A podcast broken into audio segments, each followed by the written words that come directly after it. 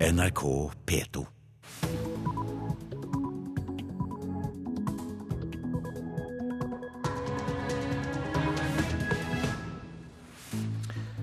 Øystein Heggen ønsker deg velkommen til Nyhetsmorgen tirsdag 11. mars. Nå 6.30 er dette hovedsaker.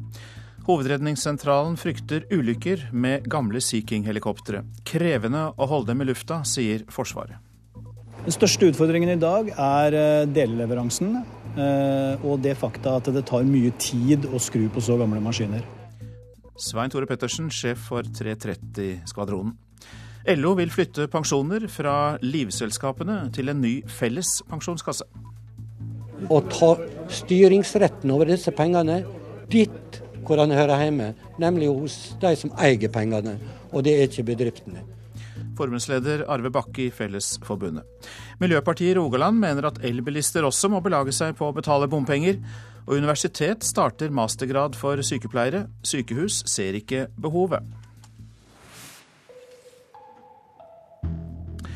Bruken av Forsvarets gamle redningshelikoptre bør begrenses før det skjer en katastrofe. Det sier redningsinspektør Stein Solberg ved Hovedredningssentralen for Sør-Norge.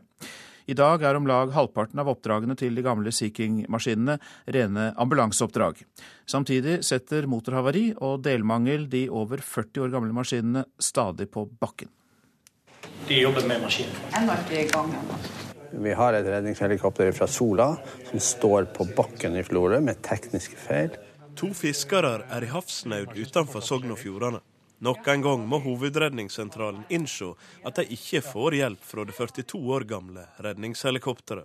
Den var oppe i uh, søket i natt inntil de fikk tekniske problemer og måtte lande på Florø. Og der står de. Akkurat nå så har vi altså ikke noe redningshelikopter mellom Florø og Rygge. I kveldens Brennpunkt-dokumentar på NRK1 kommer det fram at de seks redningsbasene i Norge i fjor hadde til sammen 847 timer uten flygedyktig helikopter. I tillegg kommer perioder med redusert beredskap. Nå tar redningsleder Stein Solberg til orde for å avgrense bruken av de gamle redningshelikoptrene. For i dag er kring 50% av oppdragene vanlig luftambulanse. Kanskje det hadde vært lurt å anskaffe noen flere luftambulansehelikopter for å ta det behovet som helt klart er innenfor, innenfor helsetjenesten.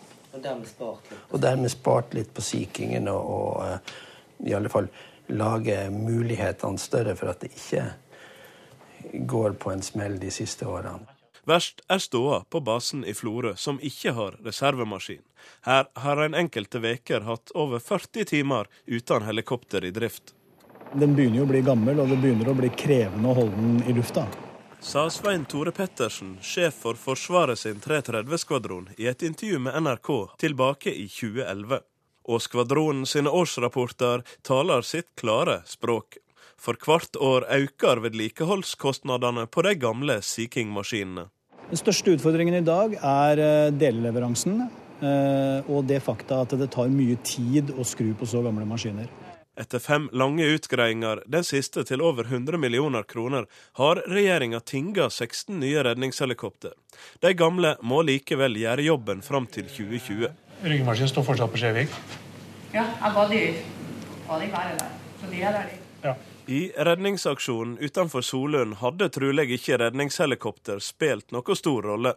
Men frykta for framtidig svikt, den ligger der. Hvis du får sammenfall av flere ting, altså dette med at det er bare den ressursen tilgjengelig, det var akkurat da den ikke var tilgjengelig, som er, som er skrekkscenarioet. Men så langt bank i bordet har vi ikke vært der. Og vi ønsker ikke å komme dit heller. Reportere her Vidar Gudvangen, Synnøve Bakke og Kjersti Knutsen. Og eh, hele denne historien om seeking, Sea King, som uh, vi altså har brukt i Norge i 50 år når de først blir pensjonert i 2020, den får du i kveldens Brennpunkt på NRK1. Men vi stopper ikke helt der. Mats Gilbert, god morgen til deg. God morgen. Du er professor og leder for akuttmedisinsk avdeling ved Universitetssykehuset i Nord-Norge i Tromsø, og er her i studio i Oslo nå. Hvor viktig vurderer du helikoptre for helseberedskap? Det er en helt avgjørende ressurs, og jeg har den aller største respekt for mannskapene på de forskjellige Sea King-basene rundt om i landet som sliter altså noe forferdelig med utrangert utstyr. De skrur vel en 18-20 timer for hver time de er i luften, og det er klart at dette er en av nøkkelressursene Først og fremst i vår redningsberedskap, men også i helseberedskapen. Og dette er jo bare nok en skandaløs prosess der Justis- og beredskapsdepartementet ikke klarer å levere på tid på viktige samfunnsoppdrag. Så vi er bekymret. Vi deler bekymringen både til skvadronledelsen og til HRS i sør og nord.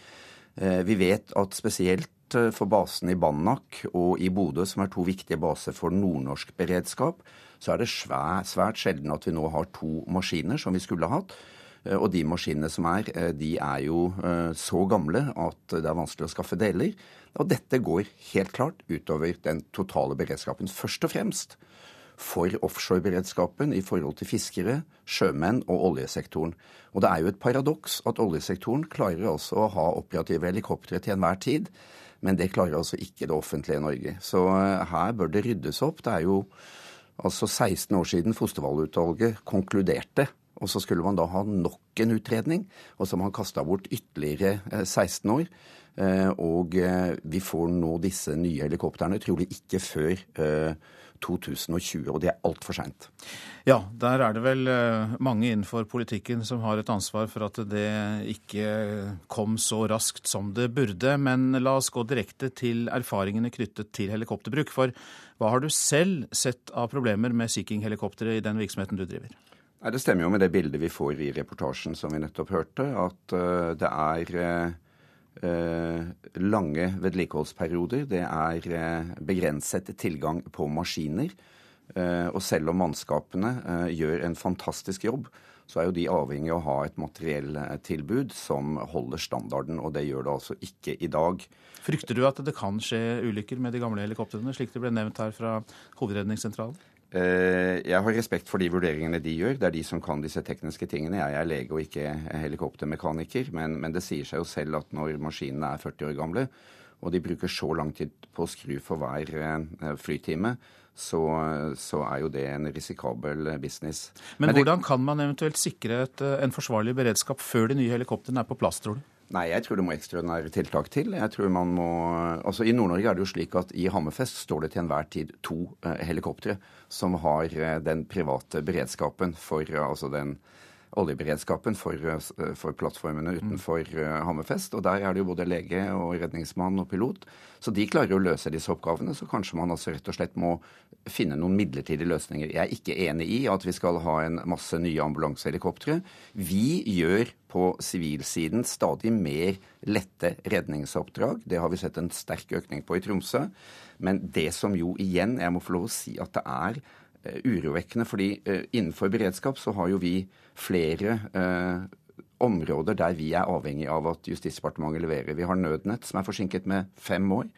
Vi har den nye redningshåndboken som ikke er revidert, skulle vært gjort for mange mange år siden. Nå tar du hele beredskapsbildet her nå, da? Jo, men, men dette er et større bilde. ja. Og vi har politihelikoptrene. I Sverige har de altså syv baser for politihelikoptre. Vi har knapt én i Norge. Og, og, det er jo en bekymring for oss i helse at det legges opp til også at det skal være fellesbruk av de nye redningshelikoptrene, der helse kommer i bakgrunnen for politiets beredskapsoppgaver. Så her er det et helhetlig bilde der Justis- og beredskapsdepartementet viser seg ytterst inkompetent på å levere på viktige samfunnsoppgaver. Vi eh, tar det med oss. Nå er de ikke her og skal kunne svare for seg, Mats Gilbert, men vi fikk med deg din frustrasjon knyttet til dette med beredskap, og ikke bare helikoptre, men i en bredere sammenheng. Takk skal du ha. Du er professor og leder for akuttmedisinsk avdeling ved Universitetssykehuset i eh, Nord-Norge. LO garanterer at en ny felles pensjonskasse gir store innsparinger, men har ingen regnestykker å vise fram. I går gikk startskuddet for årets lønnsoppgjør i privat sektor.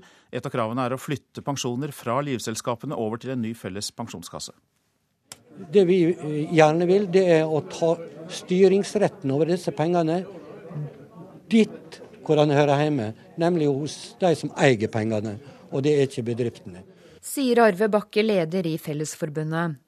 Han og resten av LO vil ha kontroll over pensjonsmidlene i privat sektor på vegne av de ansatte, og få pensjoner inn i tariffavtalen. Påstanden er at livselskaper som Storebrand og Nordea har altfor høye administrasjonskostnader. LO-økonom Eistein Gjelsvik garanterer at en ny felles pensjonskasse gir store besparelser. Jeg kan ikke si helt presist hva vi sparer. Eh, på laget fellesordning at det er svære summer, det, det, kan jeg garantere. Har dere noen regnestykker å vise fram? Jeg kan ikke gi et presist estimat. Jeg har en statistikk jeg forholder meg til, som ikke finnes i Norge. Men Er det ikke da også vanskelig å konkludere med at det vil gi så store innsparinger? Ja, Nå sier ikke jeg presis hvor store de er. Jeg sier bare at de er store. Vi vet at de norske pensjonsordningene er dårlige, på tross av at de ikke har laget ordentlig statistikk. Vi vet at de, vi vet at de kostnadene er svært høye. Hvem er det som vil tjene mest på å få en ny felles pensjonskasse? Ja, det er generelt små bedriftene som har små ordninger og som er et offer for eh, en dårlig fungerende konkurranse mellom eh, store livselskaper som tar altfor høye priser. Jan Erik Faane, kommunikasjonsdirektør i Finans Norge, der livselskapene er medlemmer, advarer mot monopoltilstander hvis LO får kravet igjennom. Det finnes vel ikke ett eksempel i historien på at et monopol har gitt billigere og bedre tjenester for forbrukerne. NHO har lenge avvist at pensjonsordninger skal inn i tariffavtalen. Men leder i Norsk Industri, Stein Lier Hansen, lover å ta en prat om saken. Nei, altså Alle ønsker en effektiv forvaltning av pensjonsordningene.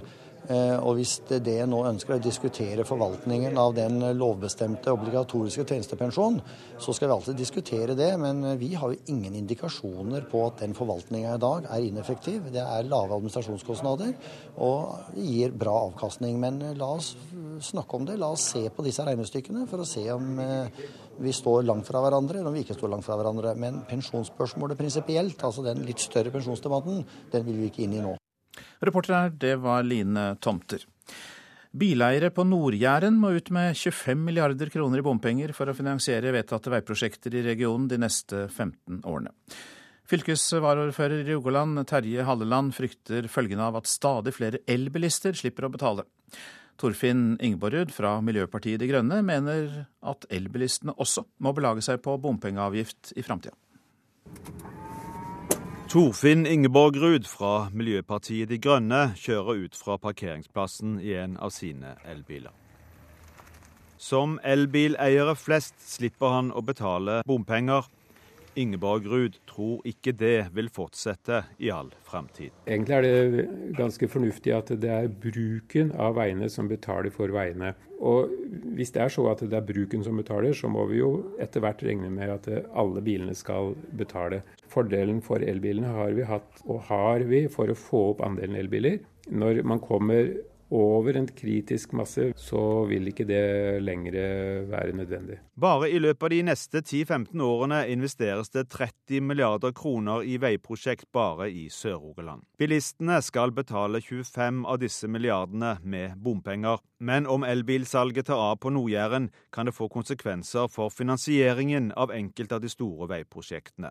Det mener varaordfører i Rogaland fylke, Terje Halleland fra Fremskrittspartiet. Nå har vi hatt en utvikling som gjør at uh, trafikkveksten er betydelig større enn prognosene i prosjektene. Får vi avvik på dette, så er bl.a. Ryfast et prosjekt som kan være sårbart med finansiering. Og kan det ende med at en må sette opp prisene. Hvis 10% reiser gratis, så, så, er det jo 90% som må betale for de ti siste prosentene. Reporter her, det var Ståle Frafjord. Så litt om det avisene har på forsidene. Stemples som fascister, skriver Aftenposten. Olivia Psykotina agiterte blant medstudenter for at Krim skal forbli ukrainsk. Da ble hun kalt inn til rektors kontor. Der ble kunststudenten fra Krim anklaget for å agitere for et fascistisk syn, og hun ble truet med utvisning. En av de to passasjerene med falsk pass om bord på det malaysiske ulykkesflyet var fra Iran og var på vei til Sverige for å søke asyl, skriver VG. Opplysningene kommer fra en slektning av mannen og er gjengitt i Aftonbladet. Gruppen Borgervern Rogaland har delt ut flygeblader der de hevder at asylmottak medfører voldtekter, knivoverfall og narkotika, skriver Stavanger Aftenblad. Borgerverngruppen støtter bl.a. folkebevegelsen mot innvandring og Vigrid, Og journalist, blogger og forfatter Øyvind Strømmen sier til avisa at eh, han har i flere år, fulgt islamfiendtlige miljøer, og sier at han advarer mot denne virksomheten. Frelsesarmeen og Kirkens Bymisjon kutter i pensjonen til de ansatte, skriver Vårt Land.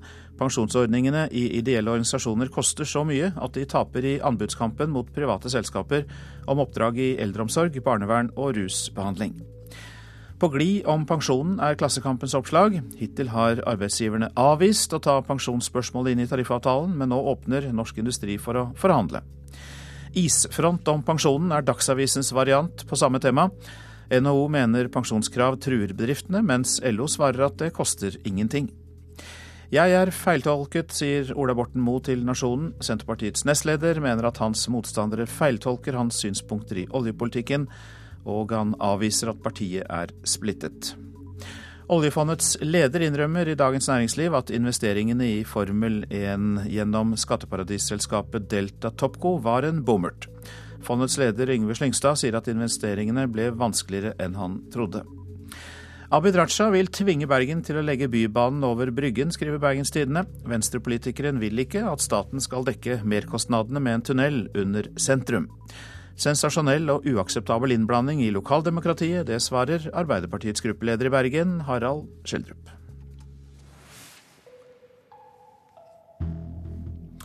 Skiskytter Nils Erik Ulseth lyktes ikke i sitt første renn i Sotsji. Norges største gullhopp i Paralympics mener han gjorde en amatørtabbe før lørdagens skiskyttersprint.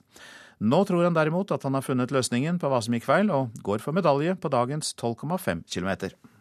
Jeg har kanskje fått i meg litt for en lite næring noen dager, og i hvert fall Sitter og nyter og trappe til med maten bare for å, for å, få i nok. og sånn, Så det, jeg la nok litt for lite i det jeg skulle gjøre i sporet. Jeg tenkte mer at eh, i og med at forholdet er så usikkert, så får jeg ta det litt som det kommer. Men eh, det skal jeg ikke gjøre igjen. Så det er litt sånn amatørfeil, men det, jeg må få lov til å gjøre noen amatørfeil innimellom òg. Nils Erik Ulseth var utslitt etter lørdagens skiskyttersprint. For mannen som tok fire av Norges seks medaljer i Vancouver, var en sjetteplass en gedigen nedtur. Med mer mat i forkant og en smartere taktikk i sporet, har Ulseth tro på at han skal ta medalje også i Sotsji, for han viste god form på standplass lørdag. Hvis du greier å løfte opp mot 90-100 løp, så skal det være mulig å ta medalje. Jeg har i hvert fall utrolig lyst til å, til å komme opp dit. Så tar vi med at dagens øvelse i Paralympics med Ulseth starter klokka 10.20 norsk tid. Reporter var Hilde Liengen. Du lytter til eh, Nyhetsmorgen, og klokka den eh, er, eh, har passert 6.47. Vi har disse hovedsakene. Bruken av Forsvarets gamle redningshelikoptre bør begrenses før det skjer en katastrofe, mener redningsinspektør Stein Solberg ved Hovedredningssentralen for Sør-Norge. LO vil flytte pensjoner fra livselskapene til en ny felles pensjonskasse, men har så langt ingen regnestykker som viser at det blir billigere. Vraket av det tyske krigsskipet Blücher bør fredes, mener marineoffiser. Riksantikvaren mener vraket har et godt nok vern. Mer om det snart. Universitetet i Stavanger starter til høsten en ny masterutdanning med spesialisering innen intensiv anestesi og operasjonssykepleie. De mener at alle sykepleiere som jobber innen disse feltene, bør ta den toårige mastergraden. Men Stavanger universitetssykehus er ikke enig. Er det bare alarmen som går for litt eh, høyt blodtrykk, bare siden pasienten beveger seg litt? På intensivavdelingen ved Stavanger universitetssykehus møter vi sykepleier Hanne Haaland Sørli. Travel dag? Ja, vanlig dag på sykehuset. Sørli har bestemt seg. Hun vil ta den nye mastergraden i sykepleie som Universitetet i Stavanger nå skal tilby. Og ved å bygge på studiene blir hun spesialisert intensivsykepleier.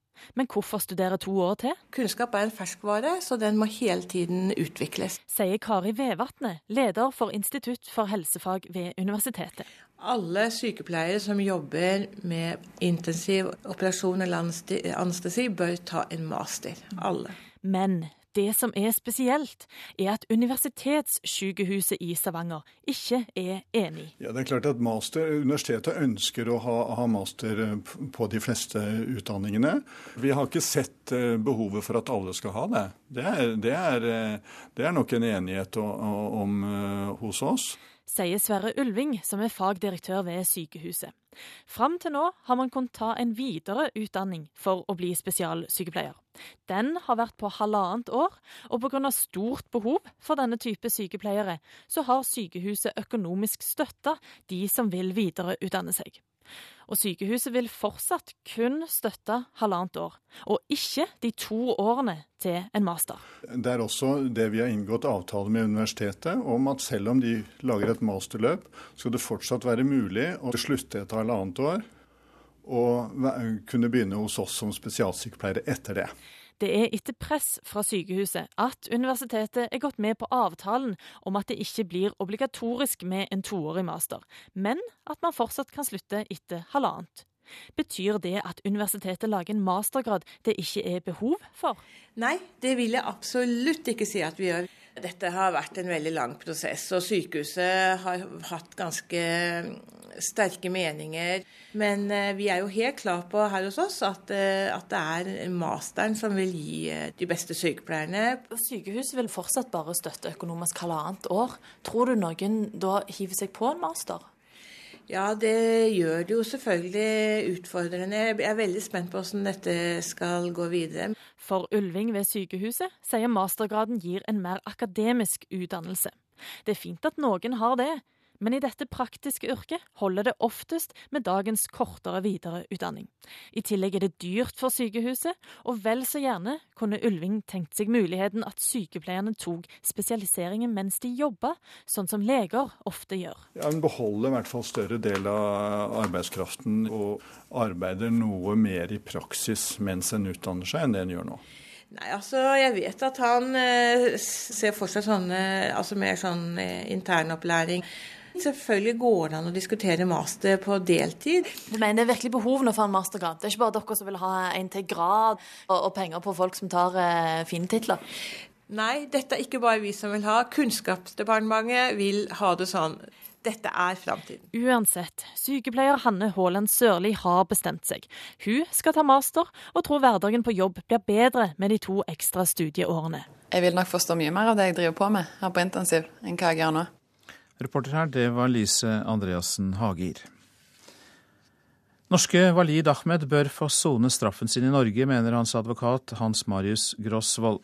Ahmed ble i går dømt til elleve års fengsel i USA for å ha svindlet en amerikansk investor for nesten seks millioner kroner ved å lure ham til å tro at han hadde rettighetene til Justin Bieber-konserter i Skandinavia. Nå vil Grosvold jobbe for å få en soningsoverføring til Norge. Så snart vi har en rettskraftig dom, så eh, kommer vi til å henvende oss til eh, Justisdepartementet og be dem da om å oppta forhandlinger med amerikanske myndigheter. Dersom Ahmed ikke soningsoverføres til Norge, vil han måtte sone minst åtte år til, i tillegg til de 18 månedene han allerede har sittet i fengsel. Maksimum strafferabatt for god oppførsel er nemlig 15% eller 20 måneder i hans tilfelle her i USA. Han har erkjent eh, straffskyld, eh, men han har jo ikke selvsagt gitt noen tilslutning til eh, en hvilken som helst straffutmåling. og ikke minst ut fra hva hans amerikanske forsvarer mener skulle vært straffen, nemlig 18 måneder, så er det klart at det vil måtte bli en vurdering om han her skal anke dommen. Advokat Hans Marius Grosvold og reporter Gro Holm. Vraket av det tyske krigsskipet Blücher bør fredes. Det mener en tidligere marineoffiser som har varslet myndighetene om at skipet blir utsatt for plyndring. Men Riksadvokaten mener vraket har et godt nok vern i dag. Blücher medførte de første tyske okkupasjonstropper som skulle gå i land like før daggry. For 74 år siden ble det tyske krigsskipet Blücher senket utenfor Drøbak. Ja, det var her hun eh, kom. 9. april, Blücher. I går fortalte NRK at hobbydykkere dykker ned til vraket og henter ut gjenstander. Det er kriminelt. Gjenstandene hører hjemme på museum eller skal ligge kvar på vrakets bunn. Stefan Doksjø er tidligere marineoffiser og har varslet myndighetene om saken. Det som eh, jeg nå etterspør, det er at hun får et vern, så at eh, gravplundringen opphører, så at det stopper. Jeg syns det er veldig trist hvis det plukkes ting fra Blücher. Og vi vet jo at det er tatt opp veldig mye av krigsvrak langs eh, norskekysten opp gjennom tida. Så det syns vi som arkeologer er trist for eh, kulturminnene. Det sier Jørgen Johannessen, arkeolog ved Norsk Maritimt Museum. Dersom vraket hadde blitt fredet, kunne museet satt i gang tiltak for å hindre plyndringen. Det kan de ikke i dag. Jeg kan ikke gjøre noe med, på Norsk Maritimt Museum eh, med det lovverket jeg har i dag. Ettersom Blücher gikk ned med mannskap, defineres vraket som en gravplass. Ivar Nesset Orrestad hos Riksantikvaren mener det ikke er nødvendig å frede vraket. Nei, ikke per i dag. Ikke sånn som, så lenge trusselsituasjonen for selve vraket ikke er uh, overhengende, så, så, mener vi at det vernet som ligger i gravferdsloven er tilstrekkelig. Det er en våt grav.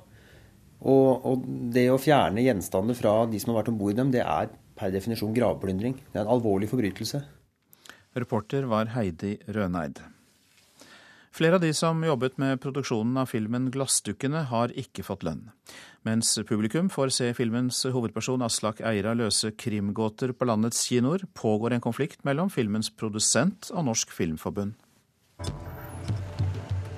Vi fikk bekymringsmeldinger fra bransjen i Nord-Norge om at vi burde kanskje se litt nærmere på denne produksjonen. Det sier Terje Lind Bjørsvik, prosjektleder for film- og TV-drama i Norsk Filmforbund. Staben i Glassdukkene jobber under det forbundet mener er svært kritikkverdige forhold. Ti timers normaldag, men de hadde øh, ikke signerte kontrakter.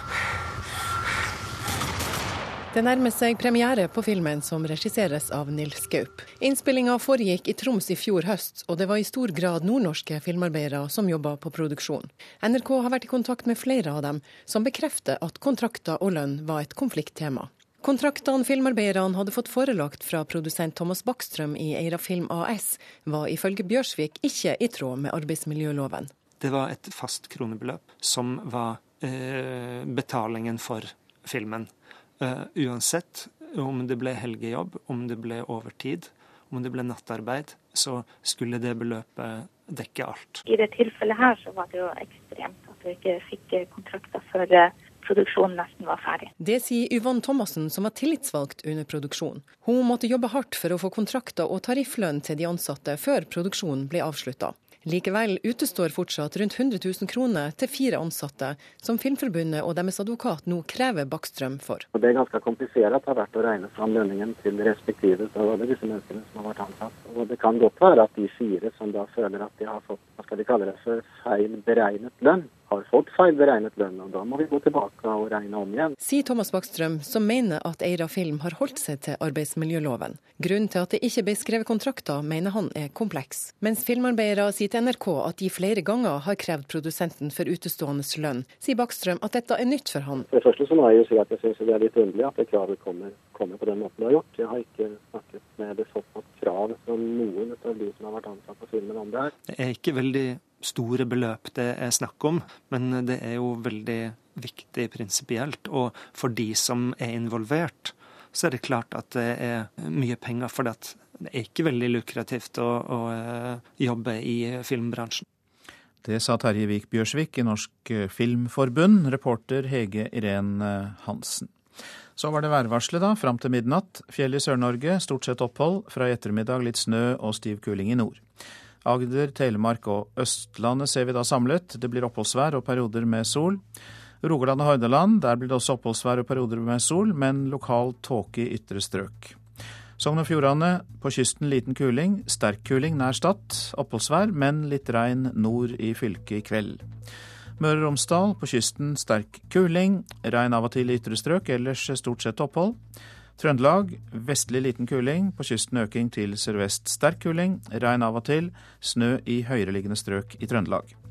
Nordland vestlig liten kuling utsatte steder, øking til sørvestlig sterk kuling i ettermiddag. Det blir regn i Nordland og snø i fjellet. Troms slutt- og snøbyger i ettermiddag sørvestlig sterk kuling, regn, snø i høyereliggende strøk. Finnmark liten kuling på kysten, i kveld øking til sørvestlig sterk kuling utsatte steder. Sludd- og snøbyger mest i vest. Og så til Nordensjøland på Spitsbergen, der blir det enkelte snøbyger. Så tar vi med oss temperaturene som ble målt klokka fire. Svalbard lufthavn minus fem, Kirkenes og Vardø pluss én, Alta to, Tromsø-Langnes tre, Bodø tre. Brønnøysund fire, Trondheim-Værnes også fire, og det samme i Molde faktisk, fire grader. Bergen-Flesland 3, Stavanger 2, Kristiansand-Kjevik og Gardermoen begge minus 2. Lillehammer minus 1. Og Røros og Oslo-Blindern de hadde begge null grader. Vi kan ta med temperaturutsikter. Litt lavere temperatur, etter hvert stigende temperatur i Troms og Finnmark. I resten av landet uendret.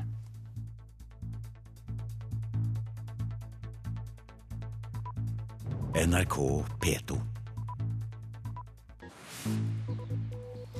Ja, her i Nyhetsmorgen fortsetter vi med disse sakene. Vi får mer om voldtekt av menn, som vi hørte om i Dagsnytt nettopp. En av dem som jobber med hjelpetilbudet Adam i Kirkelig ressurssenter, kommer hit. På Krimhalvøya venter alle spent på hva folkeavstemningen om regionens status vil bringe. Spania markerer i dag tiårsdagen for terroraksjonen i Madrid, da 191 mennesker ble drept. Og vi skal også høre at det nå blir skrevet påskekrim for barn.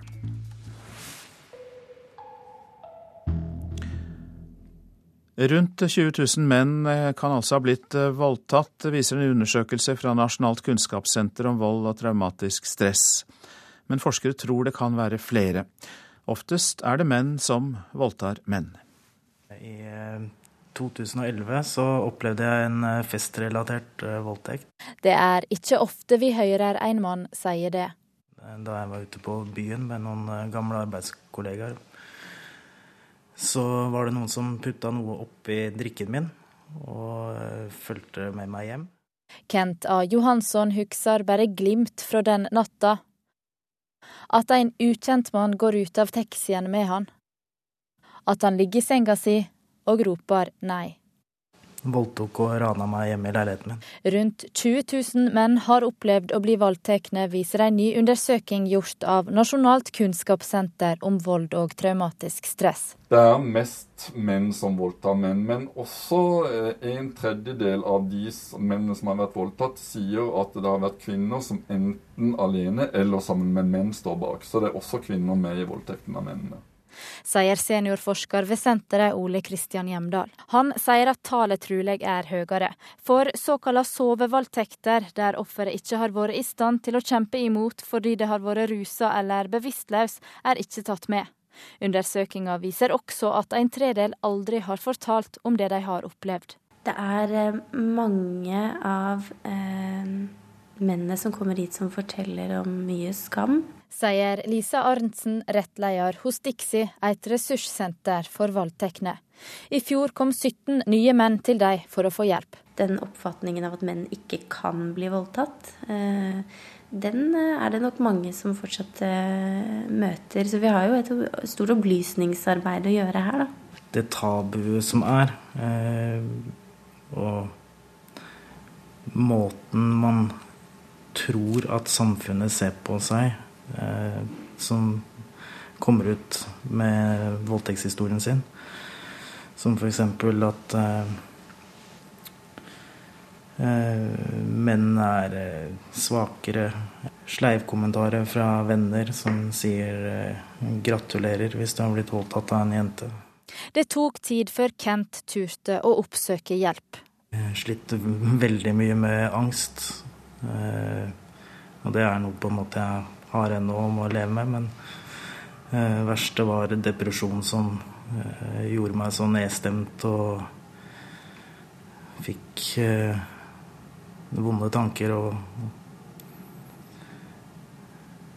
sleit ganske mye med det. Og da jeg på en måte greide å komme meg ut av det, så føler jeg liksom at alt er mye lettere. Og reporter her, det var eh, Eirin Årdal. Lennart Persson, god morgen. Takk. Du er prest og jobber med menn som har vært utsatt for seksuelle overgrep gjennom hjelpetilbudet Adam i Kirkelig ressurssenter. Og fra de du har snakket med, hva forteller de om den opplevelsen de har hatt? Det som vi hørte her på opptak, er egentlig ganske typisk. At uh, en eh, kan være veldig rådvill i forhold til om man skal ta kontakt med noen, og hvor man skal ta kontakt. Og at det kan gjøre at det kan ta litt tid. Og at man da gruer seg og er usikker på hvordan vil det bli tatt imot. Hva er årsaken, tror du, til at menn gjerne tier om voldtekt? Det handler jo om da at en eh, ikke tenkte at dette skulle skje, og at en eh, også har veldig eh, sterkt bilde av at dette er en sak som handler om menns vold mot kvinner. og at man da blir redd kanskje for å bli latterliggjort, eller at man ikke skal bli trodd. De du hjelper da gjennom Adam, hvilke reaksjoner har de fått etter voldtekten fra ja, samfunnet rundt seg? Ja, eh, oftest så får en eh, da stort sett støtte når en velger å, å, be om hjelp eller fortelle noen en kjenner om det som har skjedd. Mm. Så det er det vanligste. Og så har du den historien da om at en likevel har grudd seg veldig på forkant og har tenkt seg at det skulle være annerledes. Så tror jeg nå også at når en leser f.eks. kommentarfelter i en avis, så vil en, vil en, ta det veldig til seg, disse kommentarene om at en skal være heldig, som, som vi hørte på det opptaket her, eller at menn ikke kan voldtas. Sånn at en har nå hørt mange av stemmer så å si på forhånd, og tenker seg at det er sånn en blir tatt imot. Men så er det jo sånn, hvis når du henvender deg til fagfolk, så, så har en jo en, en, annen bevissthet, og kanskje også erfaring med at andre har meldt fra om lignende ting tidligere. Hvilke reaksjoner kan være annerledes for menn som er voldtatt, eh, sammenlignet med kvinner? Ja, Min erfaring er at reaksjonene er ganske like, men så kan det være forskjell i hvordan man opplever det. Og det har jo igjen å gjøre med hvilke slags forventninger man har til kjønn, hva slags handlingsrom man opplever at man har. Sånn at en kan eh, kanskje oppleve skammen på en annen måte, da knytta til at dette handler om hvem jeg er som mann, og kanskje noen ganger også om eh, at en blir usikker på kjønnsidentitet eller seksuell legning, og er redd for at det skal trekkes inn i dette bildet. Så det kan være en forskjell. Jeg tenker at i, for menn kan det nå være sånn at en opplever at dette handler om at jeg ikke egentlig er mann nok, eller at eh, det er noe som er feil med meg på den måten. Mens for kvinner kan jo dette handle mer om at en opplever at det, det er fordi at jeg er kvinne at jeg blir utsatt for dette. Og det, det, På den måten kan det være lettere, selv om det aldri er lett å være utsatt for, for voldtekt. Takk for at du kom hit og eh, opplyste oss om dette feltet. Lennart Persson, som altså er prest og jobber eh, gjennom eh, Adam, et hjelpetilbud fra Kirkelig ressurssenter. Takk skal du ha.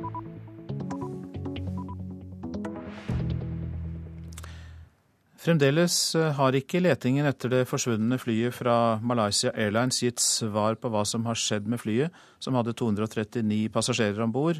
Flyet var på vei fra Kuala Lumpur til Beijing og forsvant lørdag morgen lokaltid. Asia-korrespondent eh, Anders Magnus, eh, det har vært omfattende søk, eh, men det har ikke ført fram. Letes det nå i nye områder?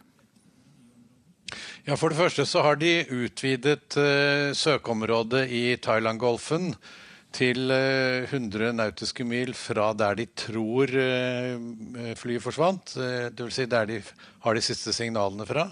I tillegg så har de begynt å søke på land på Malakkahalvøya, hvor hoveddelen av Malaysia ligger, og også i Malakkastredet, som faktisk er på den andre siden av flyruten, så å si. Stredet mellom Malaysia og Indonesia i nord. Så eh, dette er nok fordi usikkerheten er så stor om hva som egentlig kan ha skjedd, og om flyet har kunnet ta seg tilbake eh, over eh, landjorda igjen for å prøve å lande på Subang-flyplassen eh, ved Kuala Lumpur. Hva er de siste informasjonene om passasjerene som fløy med falsk pass? De er nå, i hvert fall den ene av dem, identifisert som en svart mann. Og de er, eh, billettene er kjøpt på litt uh, mystisk vis i Thailand. Uh, men det ligner mye på slik menneskesmuglere får tak i billetter til folk som ønsker å komme seg uh, illegalt inn i Europa innenfor Schengen-området og søke asyl der. Så, og den ene hadde jo billett til Danmark, den andre til Tyskland. Og ruten over Beijing er den billigste. Eh, derfor er det ikke så veldig mystisk at eh, noen kan ha forsøkt å ta den. Så eh, dette terroristsporet er vel blitt mindre varmt, og kanskje asylsporet er blitt eh, sterkere etter hvert som man får vite mer om eh, dette billettkjøpet. Og da øker også eh, mulighetene for at dette har vært en eksplosjon som ikke har vært forårsaket av en terrorhandling, men kanskje en eksplosjon i, i en drivstofftank, eller at det kan ha vært rett og slett materialtretthet som har ført til at flyet har falt fra hverandre. Hvordan forholder de pårørende seg til det som skjer? De har det vanskelig. Det er eh, særlig eh, Det jeg kjenner til, er selvfølgelig forholdene for de som er her i Beijing. Det er jo fortsatt veldig mange som oppholder seg på dette hotellet litt sør for flyplassen. Eh, mange har ikke sovet på mange dager. Eh, de, noen klynger seg fortsatt til et håp om at eh, et mirakel, om at det skal være overlevende. Noen sier at de tror det er flykapring, og at derfor kan være håp om at flyet har blitt tatt med til et annet sted. Så det er, det er mange, mange fortvilte håp. Eh, men stadig flere av de, av de, pårørende innser vel nå at disse menneskene aldri kommer tilbake igjen. Og um, nå får, får, de også større grad av oppmerksomhet både fra kinesiske og malaysiske myndigheter, og også tilbud om å reise til Malaysia hvis de ønsker det. Takk skal du ha, Asia-korrespondent Anders Magnus. På Krimhalvøya venter alle spent på hva folkeavstemningen om regionens status vil bringe. Søndag skal folk ta stilling til om Krim skal løsrive seg fra Ukraina og bli en del av Russland. Mye av samfunnslivet har stanset opp i påvente av denne avgjørelsen.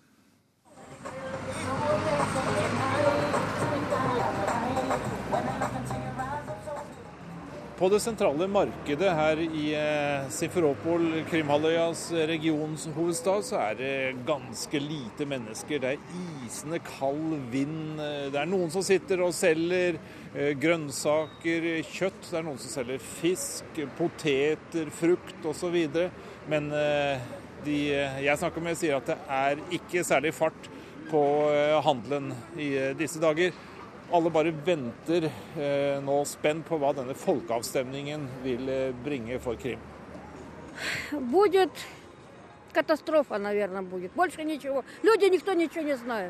Dette blir nok en katastrofe for folk flest, sier denne kvinnen som selger poteter på markedet. Hun vil ikke si hvilken folkegruppe hun tilhører, men mye tyder på at hun er ukrainer. Hun mener at befolkningen stadig vekk utsettes for politiske eksperimenter, og at det nesten aldri kommer noe godt ut av det. En annen kvinne kommer bort og vil være med i samtalen.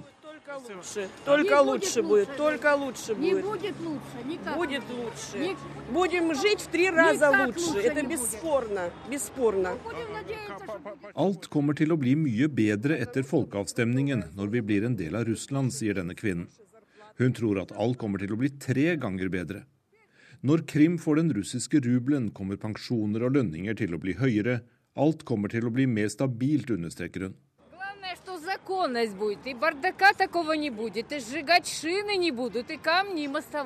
Det viktigste er at det blir slutt på lovløsheten i samfunnet, sier en annen kvinne som er ute for å handle. Hun mener at det nå er fullt kaos, både politisk og økonomisk i Ukraina. Det er også viktig at det blir slutt på å brenne bildekk og kaste steiner, sier hun, og sikter til protestene på uavhengighetsplassen i Kiev.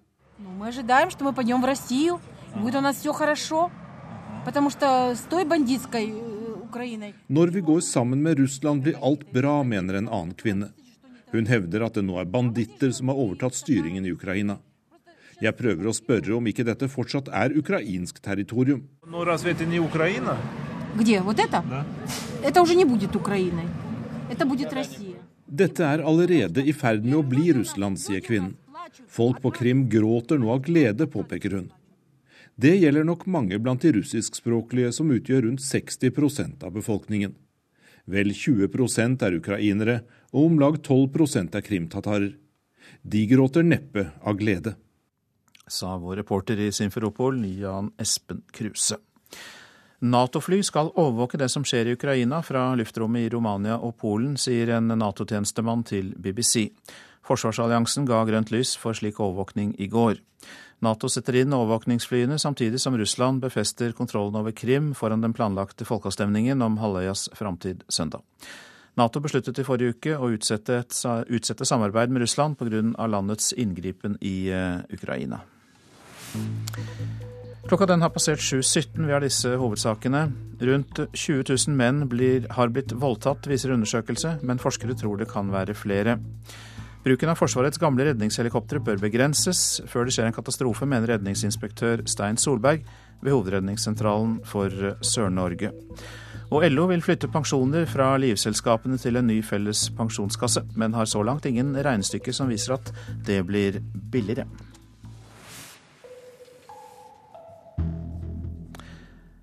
Verdens aksjemarkeder eh, er nå nær sitt høyeste nivå noensinne. Det gjelder særlig det amerikanske aksjemarkedet, som akkurat nå feirer fem år med oppgang. Og økonomimedarbeider Sindre Heyerdahl, så spørs det da om festen vil fortsette? Ja, det er det mange spør seg om i USA nå også. Det er da fem år, mars 2009, da nådde markedet i USA bunnen. Og siden har det vært en eh, kontinuerlig oppgang. Noen sånne kriser underveis, men, men det store bildet er kjempeoppgang på 170% som gjør mange urolige. Og eh, hva ligger bak denne uroen? Det er noe med at eh, et aksjemarked pleier alltid å svinge. Det er oppgangsperioder og nedgangsperioder. Og I snitt varer en oppgangsperiode i fire og et halvt år. Nå har denne oppgangsperioden altså allerede vart i fem. Og Når man ser på hvor mye aksjer er belånt, altså at folk går og låner penger for å kjøpe aksjer, så er det nå på et høyt nivå. Eh, aksjer er også høyt priset i forhold til hvor mye et selskap tjener av penger.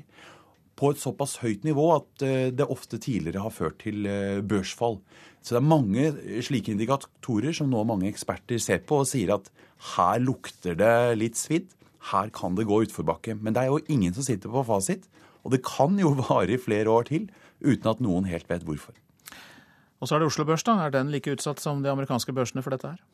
Mange amerikanske aksjer er, er høyere priset. Men eh, er det noe finanskrisen viste oss, så er det at eh, hele aksjemarkedet verden over henger sammen. Ingen land er immune på hva som skjer ellers. Så ramler noen, så blir gjerne mange andre dratt med i fallet. Økonomimedarbeider Sindre Heiland, takk for at du tok oss gjennom de siste opplysningene om aksjemarkedet. Spania nå, for der markeres i dag at det er ti år siden en av de største tragediene i landets nyere historie, terroraksjonen i Madrid, da 191 mennesker ble drept. Det var terrornettverket Al Qaida som sto bak aksjonen, og ugjerningen fikk store politiske følger. Arnt Stefansen fulgte dramaet i Madrid for ti år siden og har sendt denne reportasjen. Den 11. mars 2004 var en torsdag. Ved halv åtte-tiden om morgenen denne dagen brøt helvete løs i den spanske hovedstaden.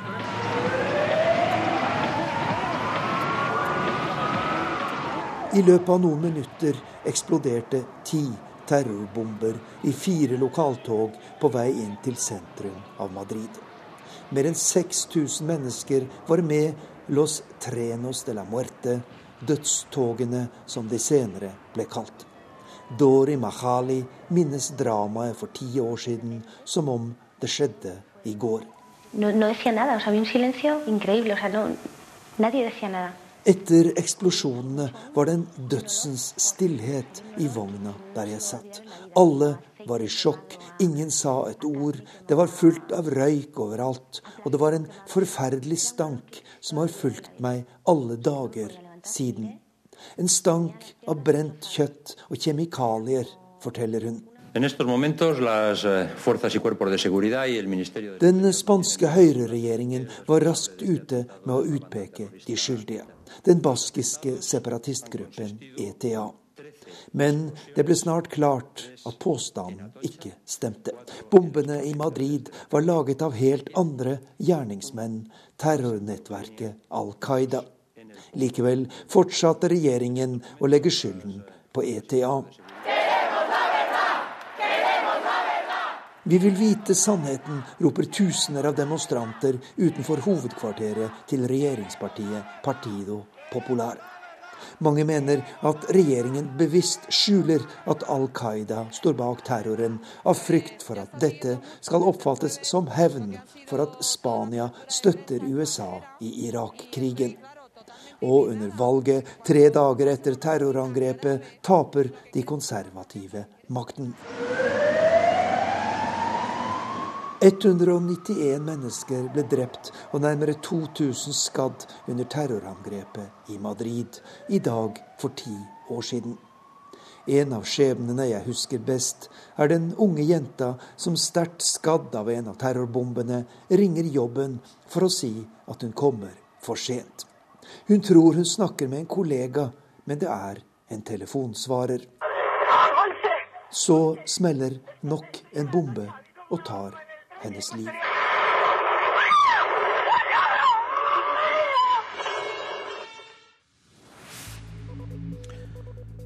Så til det avisene har på forsidene her hjemme i dag. Stemples som fascister, skriver Aftenposten. Olivia Psykotina argumenterte blant medstudenter for at Krim skal forbli ukrainsk. Da ble hun kalt inn til rektors kontor. Der ble kunststudenten fra Krim anklaget for å agitere for et fascistisk syn, og hun ble truet med utvisning. En av de to passasjerene med falsk pass om bord på det malaysiske ulykkesflyet var fra Iran, og han var på vei til Sverige for å søke asyl, skriver VG. Opplysningene kommer fra en slektning av mannen og er gjengitt i Aftonbladet. Gruppen Borgervern Rogaland har delt ut flygeblader der de hevder at asylmottak medfører voldtekter, knivoverfall og narkotika, skriver Stavanger Aftenblad. Borgerverngruppen støtter folkebevegelsen mot innvandring og Vigrid. Journalist, blogger og forfatter Øyvind Strømmen har i flere år fulgt islamfiendtlige miljøer, og han advarer mot denne virksomheten. Frelsesarmeen og Kirkens Bymisjon kutter i pensjonen til de ansatte, skriver Vårt Land. Pensjonsordningene i ideelle organisasjoner koster så mye at de taper i anbudskampen mot private selskaper om oppdrag i eldreomsorg, barnevern og rusbehandling. På glid om pensjon er Klassekampens oppslag. Hittil har arbeidsgiverne avvist å ta pensjonsspørsmålet inn i tariffavtalen, men nå åpner Norsk Industri for å forhandle. Isfront om pensjon er Dagsavisens variant på samme tema. NHO mener pensjonskrav truer bedriftene, mens LO svarer at det koster ingenting. Jeg er aktivt feiltolket, sier Ola Borten Moe til Nasjonen. Senterpartiets nestleder mener at hans motstandere feiltolker hans synspunkter i oljepolitikken, og han avviser at partiet er splittet. Oljefondets leder innrømmer i Dagens Næringsliv at investeringene i, investeringene i Formel 1 gjennom skatteparadisselskapet Delta Topco var en bommert. Fondets leder Yngve Slyngstad sier at investeringene ble vanskeligere enn han trodde. Abid Raja vil tvinge Bergen til å legge Bybanen over Bryggen, skriver Bergens Tidende. Venstrepolitikeren vil ikke at staten skal dekke merkostnadene med tunnel under sentrum. Sensasjonell og uakseptabel innblanding i lokaldemokratiet, svarer Arbeiderpartiets gruppeleder i Bergen, Harald Skjeldrup.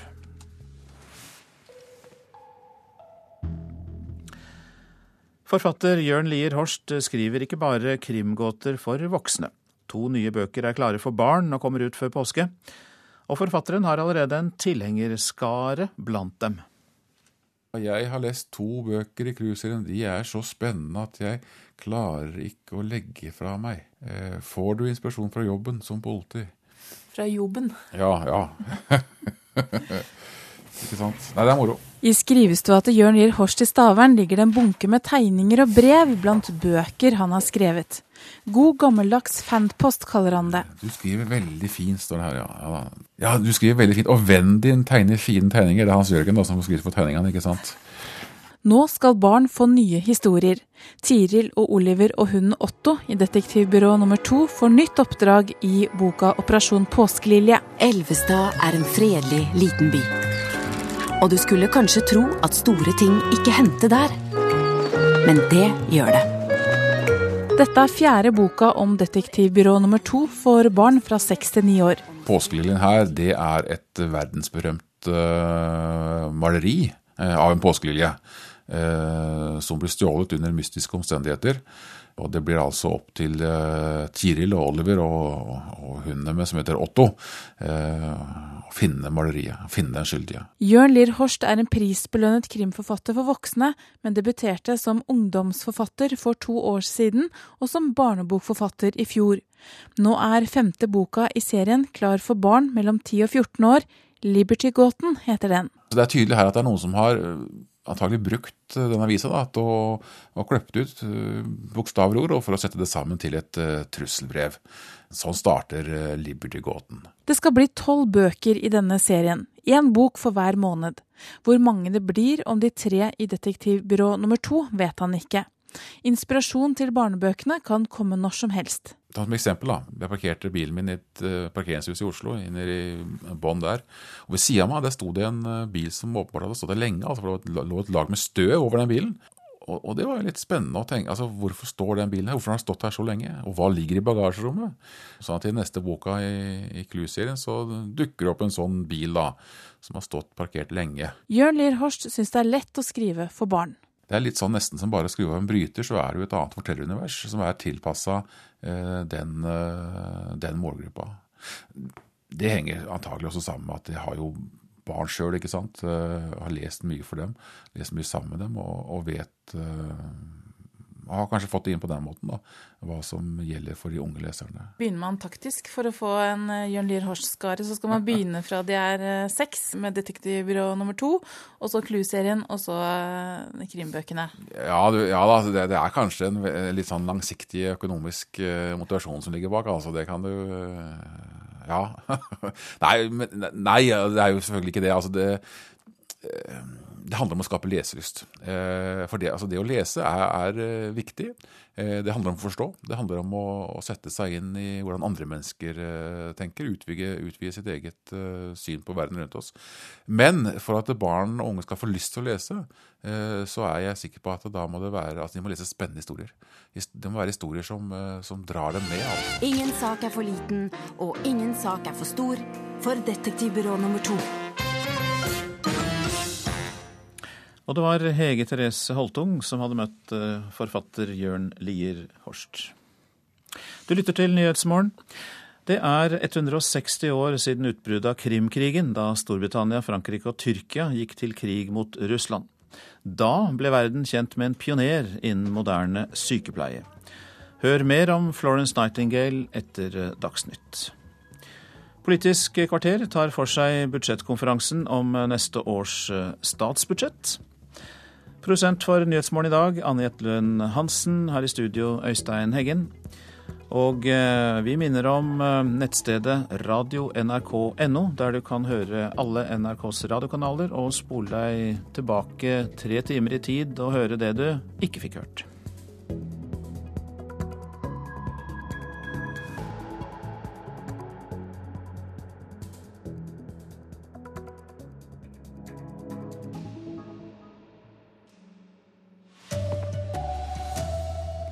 20 000 menn har blitt voldtatt, viser ny rapport. Mange bærer på hemmeligheten hele livet.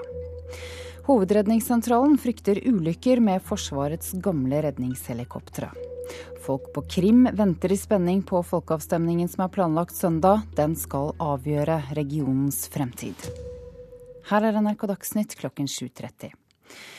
Rundt 20 000 menn har blitt voldtatt, viser en undersøkelse fra Nasjonalt kunnskapssenter om vold og traumatisk stress.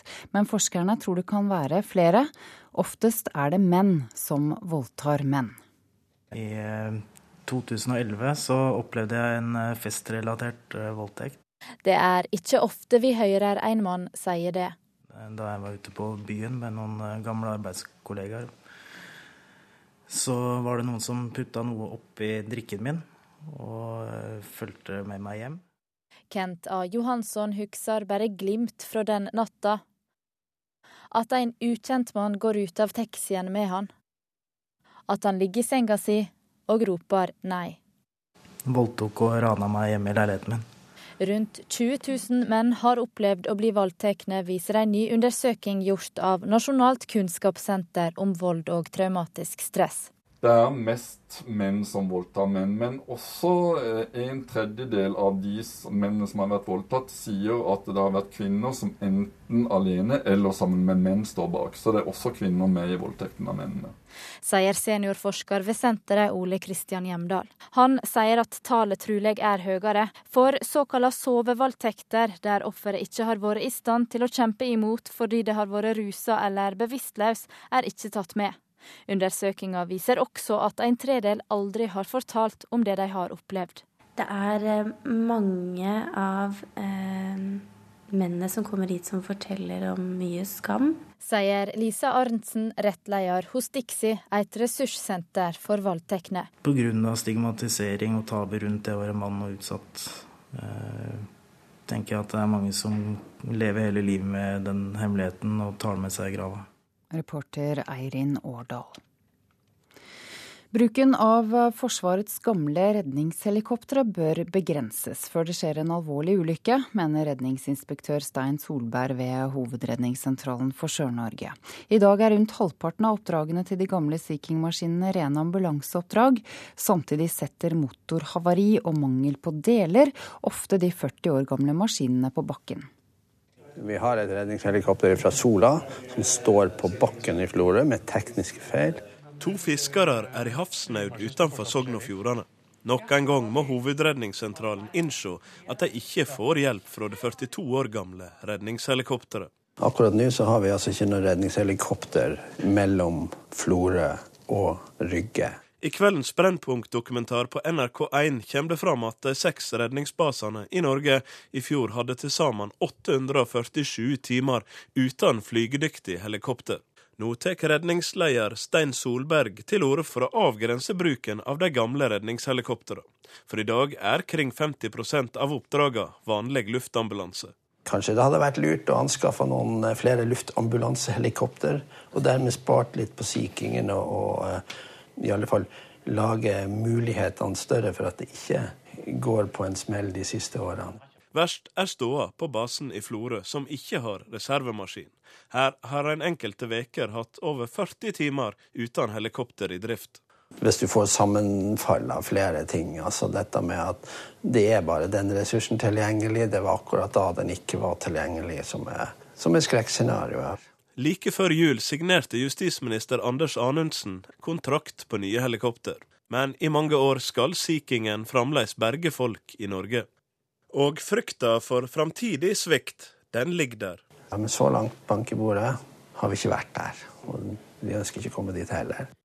Reportere Vidar Gudvangen, Synnøve Bakke og Kjersti Knutson. LO garanterer at en ny felles pensjonskasse kan gi store innsparinger, men har ingen regnestykker å vise frem. I går gikk startskuddet for årets lønnsoppgjør i privat sektor. Et av kravene er å flytte pensjoner fra livselskapene over til en ny felles pensjonskasse. Det vi eh, gjerne vil, det er å ta styringsretten over disse pengene dit hvor den hører hjemme, nemlig hos de som eier pengene, og det er ikke bedriftene sier Arve Bakke, leder i Fellesforbundet. Han og resten av LO vil ha kontroll over pensjonsmidlene i privat sektor på vegne av de ansatte, og få pensjoner inn i tariffavtalen. Påstanden er at livselskaper som Storebrand og Nordea har altfor høye administrasjonskostnader. LO-økonom Eistein Gjelsvik garanterer at en ny felles pensjonskasse gir store besparelser. Jeg kan ikke si helt presist hva vi sparer, på laget fellessorgen at det er svære summer, det, det, kan jeg garantere. Har dere noen regnestykker å vise fram? Jeg kan ikke gi et presist estimat.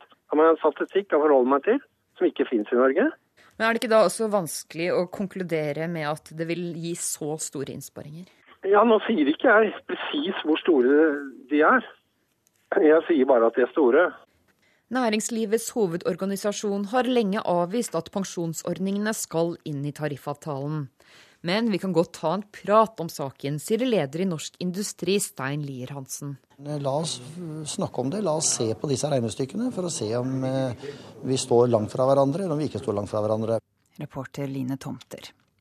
På Krimhalvøya venter alle spent på hva folkeavstemningen på søndag vil bringe. Folk skal ta stilling til om Krim skal løsrive seg fra Ukraina og bli en del av Russland. Og mye av samfunnslivet har stanset helt opp.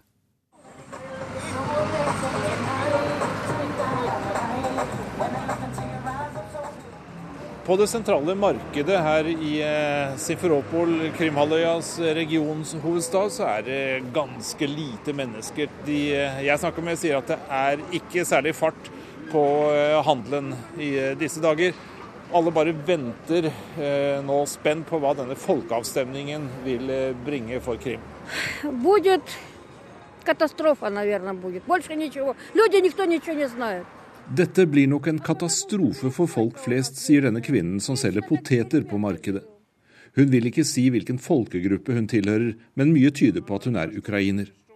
Hun mener at befolkningen stadig vekk utsettes for politiske eksperimenter, og at det nesten aldri kommer noe godt ut av det. En annen kvinne kommer bort og vil være med i samtalen. Alt kommer til å bli mye bedre etter folkeavstemningen når vi blir en del av Russland, sier denne kvinnen. Hun tror at alt kommer til å bli tre ganger bedre.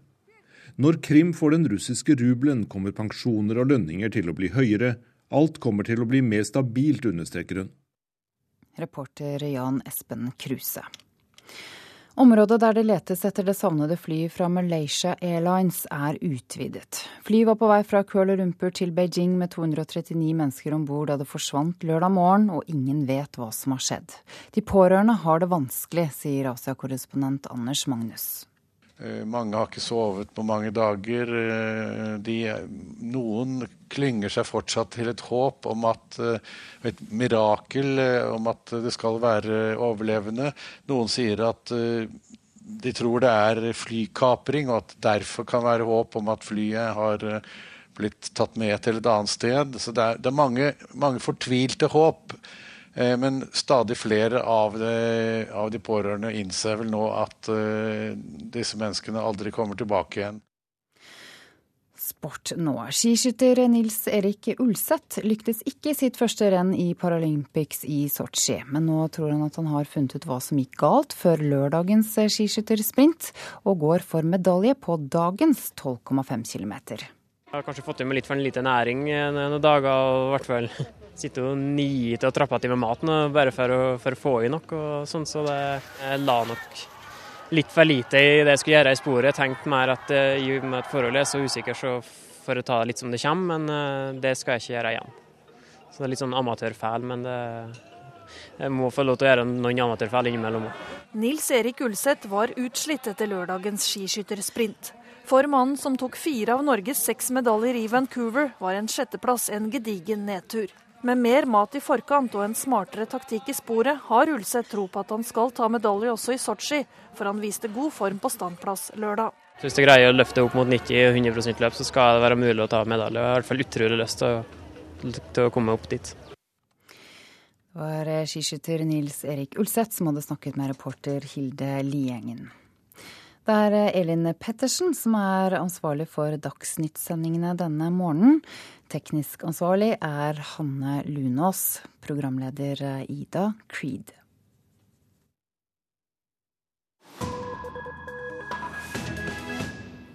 Dette er Nyhetsmorgen. Det er 160 år siden utbruddet av Krimkrigen, da stormaktene Storbritannia, Frankrike og Tyrkia gikk til krig mot Russland. Kvaliteten på de britiske styrkenes sanitet var heller eh, skrall, og fikk mye kritikk. Og det banet vei for kvinnen som skulle bli verdens mest berømte sykepleier, forteller Storbritannia-korrespondent Espen Aas. Den noe skrapete og nesten uhørlige stemmen tilhører angivelig Florence Nightingale. Da Krimkrigen brøt ut i 1854, hadde hun både kunnskap og tittel, og ble sendt til Tyrkia som en slags overbetjent for de engelske sykehusene, og klarte å snu uhygieniske og skitne behandlingslokaler om til skikkelige sykehus hvor skadde soldater ikke lenger sto i fare for å dø av bakterier og dårlig hygiene, men i stedet kunne leges for krigsskader. Det var her hun fikk tilnavnet Lady with a Lamp damen med lampen, og myten hadde allerede festet seg før Nightingale ble gammel. Med den eh, alltid travle Westminster-broen som eh, nærmeste nabo, står jeg nå ved St. Thomas Hospital ved Themsens bredd. På andre siden ser vi parlamentet og klokketårnet som huser Big Ben. Det var her Florence Nightingale grunnla sykepleierutdanningen sin tilbake i 1860. Eh, 9.7 var eh, dato. Og Den utdanningen den lever i beste velgående i dag, den, og regnes som en av de aller eldste sykepleierutdanningene her i Storbritannia. Men uh, hvor øm, mild og engleaktig var egentlig Florence Nightingale? Vel, ikke så veldig. Mange rapporter fortalte om en kompromissløs og streng kvinne som visste hva hun ville, og krevde å få det slik. selv om den britiske statsministeren Margaret Thatcher kanskje er den som er mest kjent for tilnavnet Jernkvinnen eller The Iron Lady, så er betegnelsen mang en gang brukt om Florence Nightingale.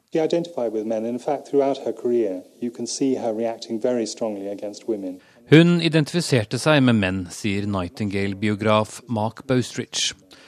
Du kan se gjennom hele karrieren hennes hvordan hun jobbet mot kvinner. Hun mislikte kvinner, hun sa hun var en brutal motsetning av sitt eget kjønn, sier han.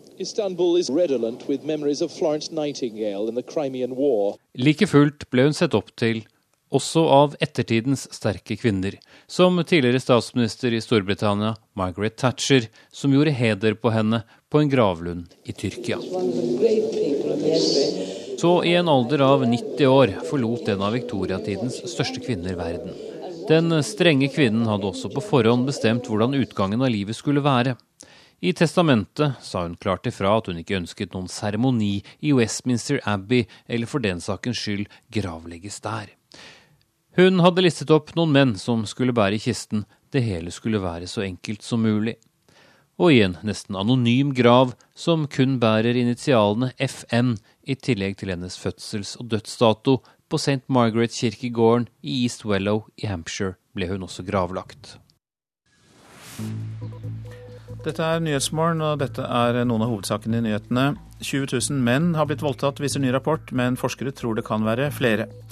Hovedredningssentralen frykter ulykker med Forsvarets gamle redningshelikoptre, og mener bruken av Sea King-helikoptrene bør begrenses. Og LO vil flytte pensjoner fra livselskapene til en ny felles pensjonskasse, men har ingen regnestykker som viser at det blir billigere så langt. Og Politisk kvarter er neste post på programmet her i Nyhetsmorgen.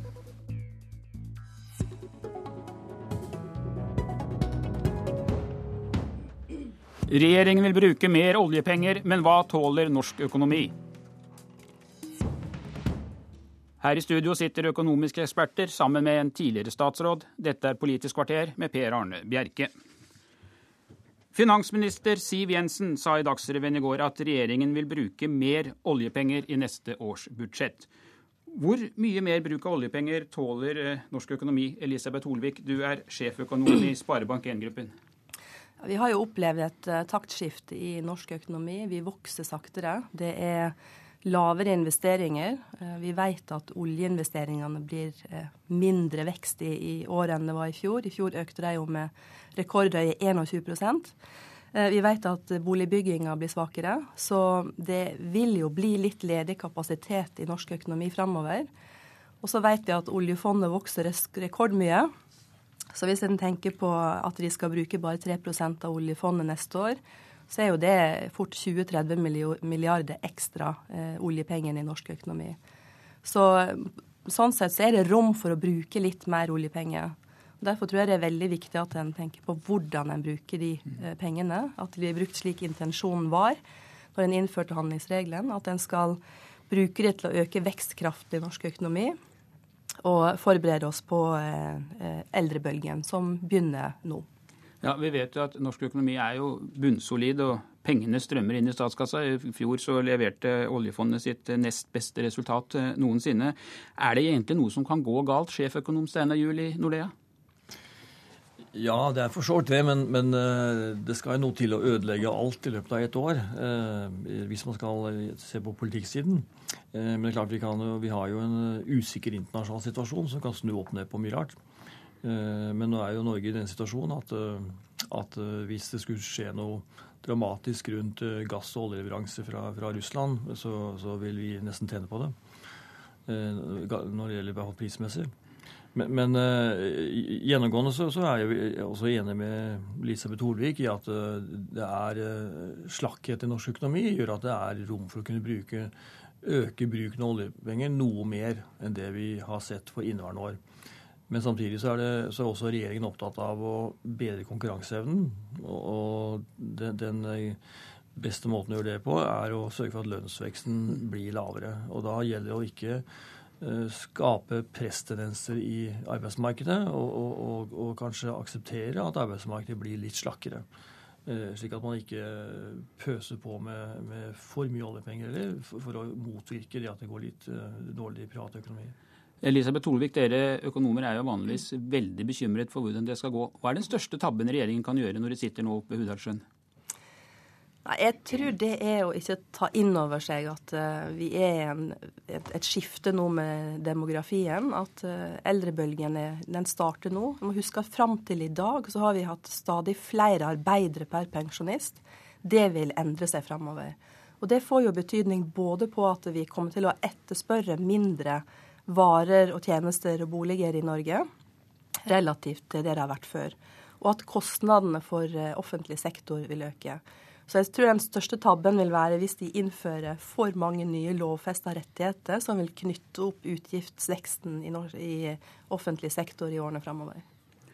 Kristin Clemet, tidligere statsråd for Høyre i flere regjeringer og i dag leder for tankesmia Civita. I en artikkel i VG i går så skriver du at regjeringen aldri har hatt større handlefrihet enn nå, og at denne friheten bør brukes til å fjerne formuesskatten.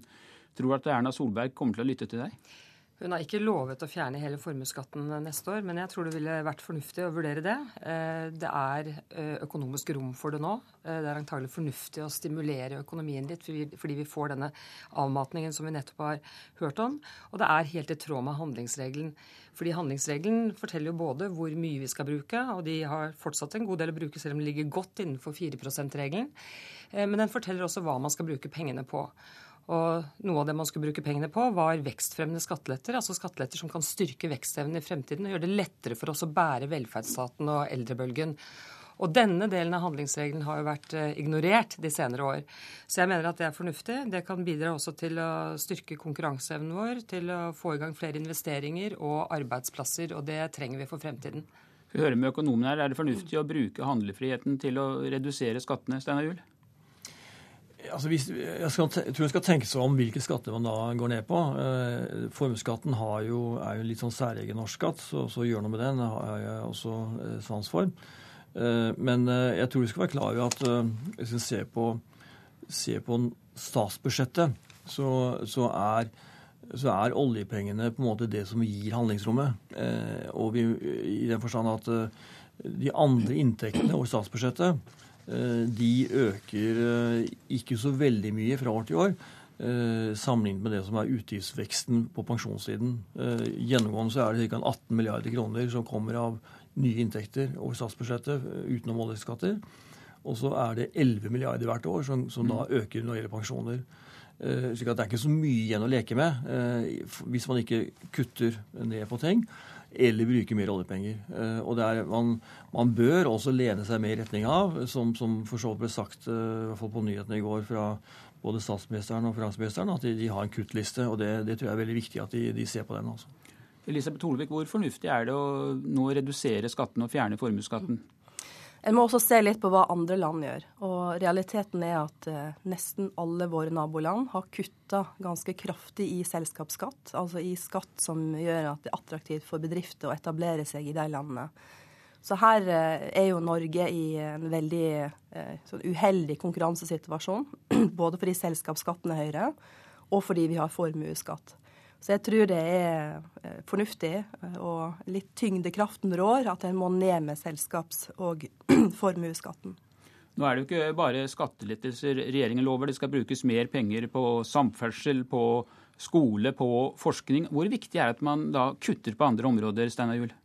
Jeg tror det er veldig viktig. Eh, men jeg, jeg, gleder meg til, eller jeg er spent på hva de kutter, og hva de er får til. For mye av disse tingene som er på budsjettets utgiftsside, er jo knyttet til eh, ordninger som er laget, og som er tunge å endre.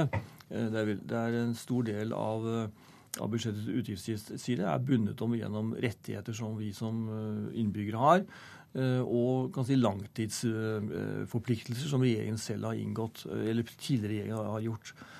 Og hvor det finnes minst én, og mange gjerne interessegrupper, som da kjemper for akkurat den posten.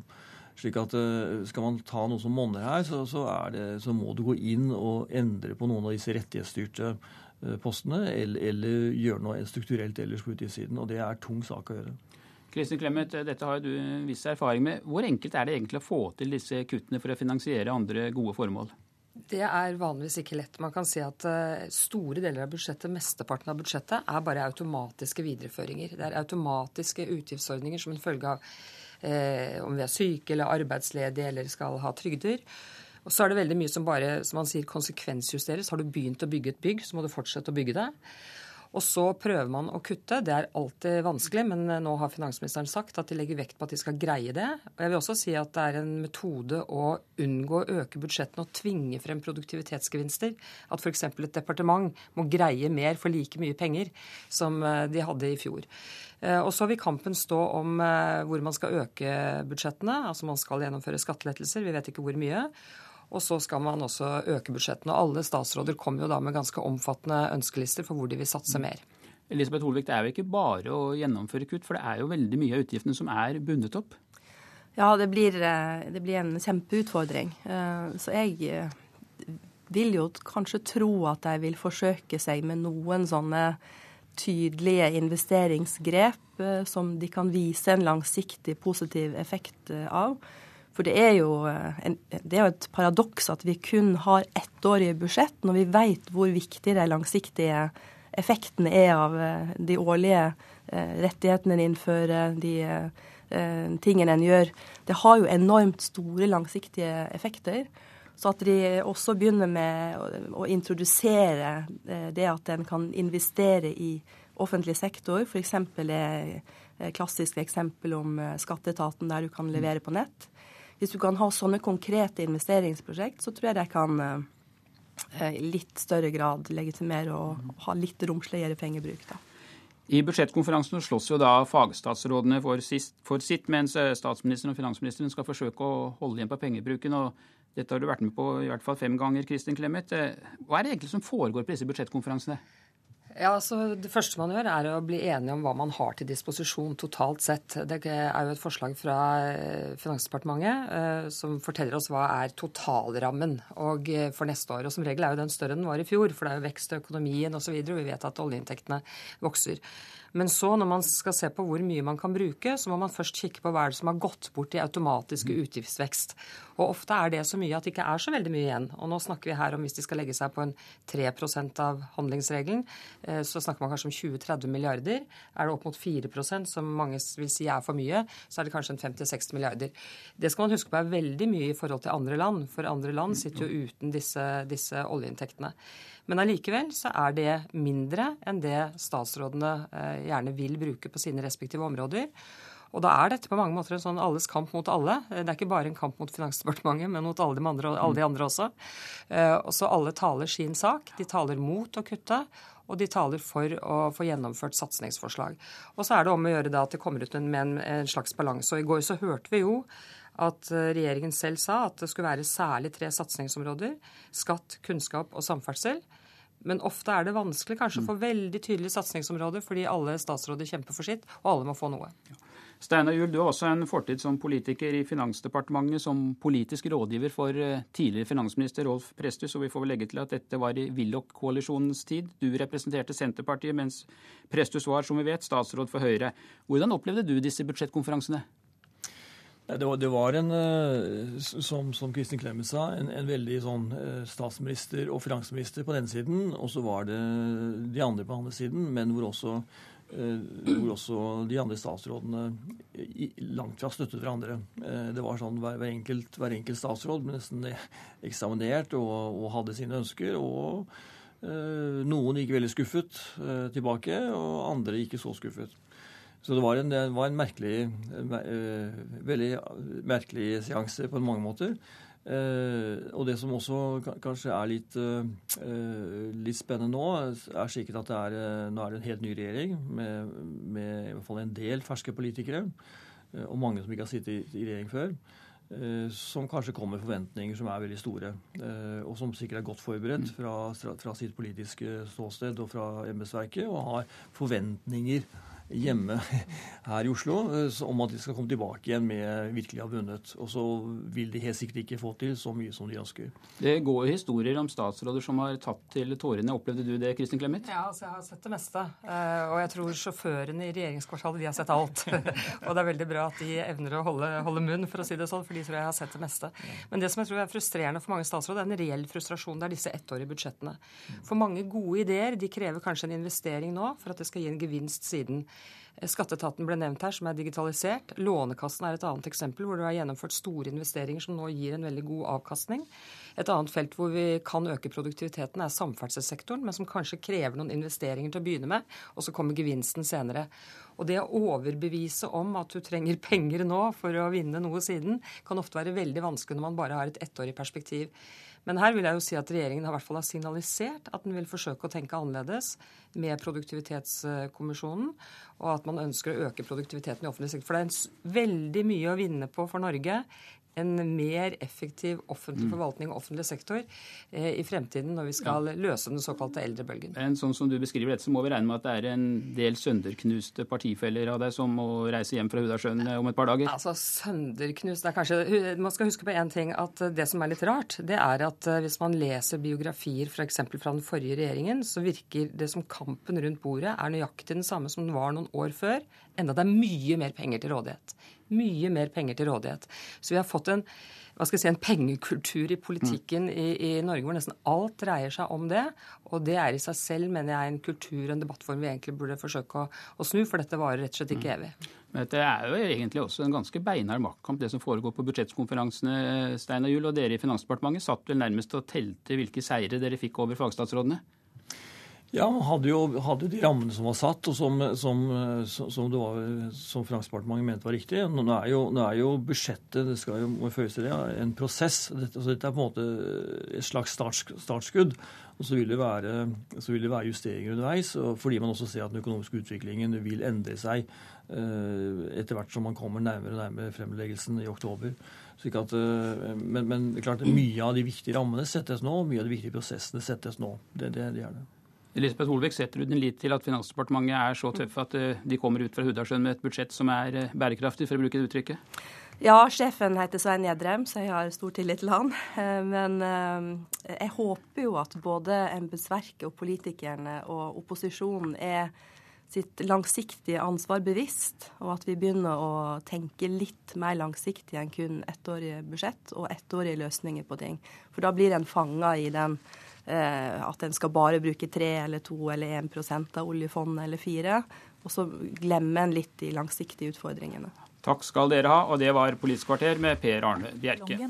Hør flere podkaster på nrk.no podkast.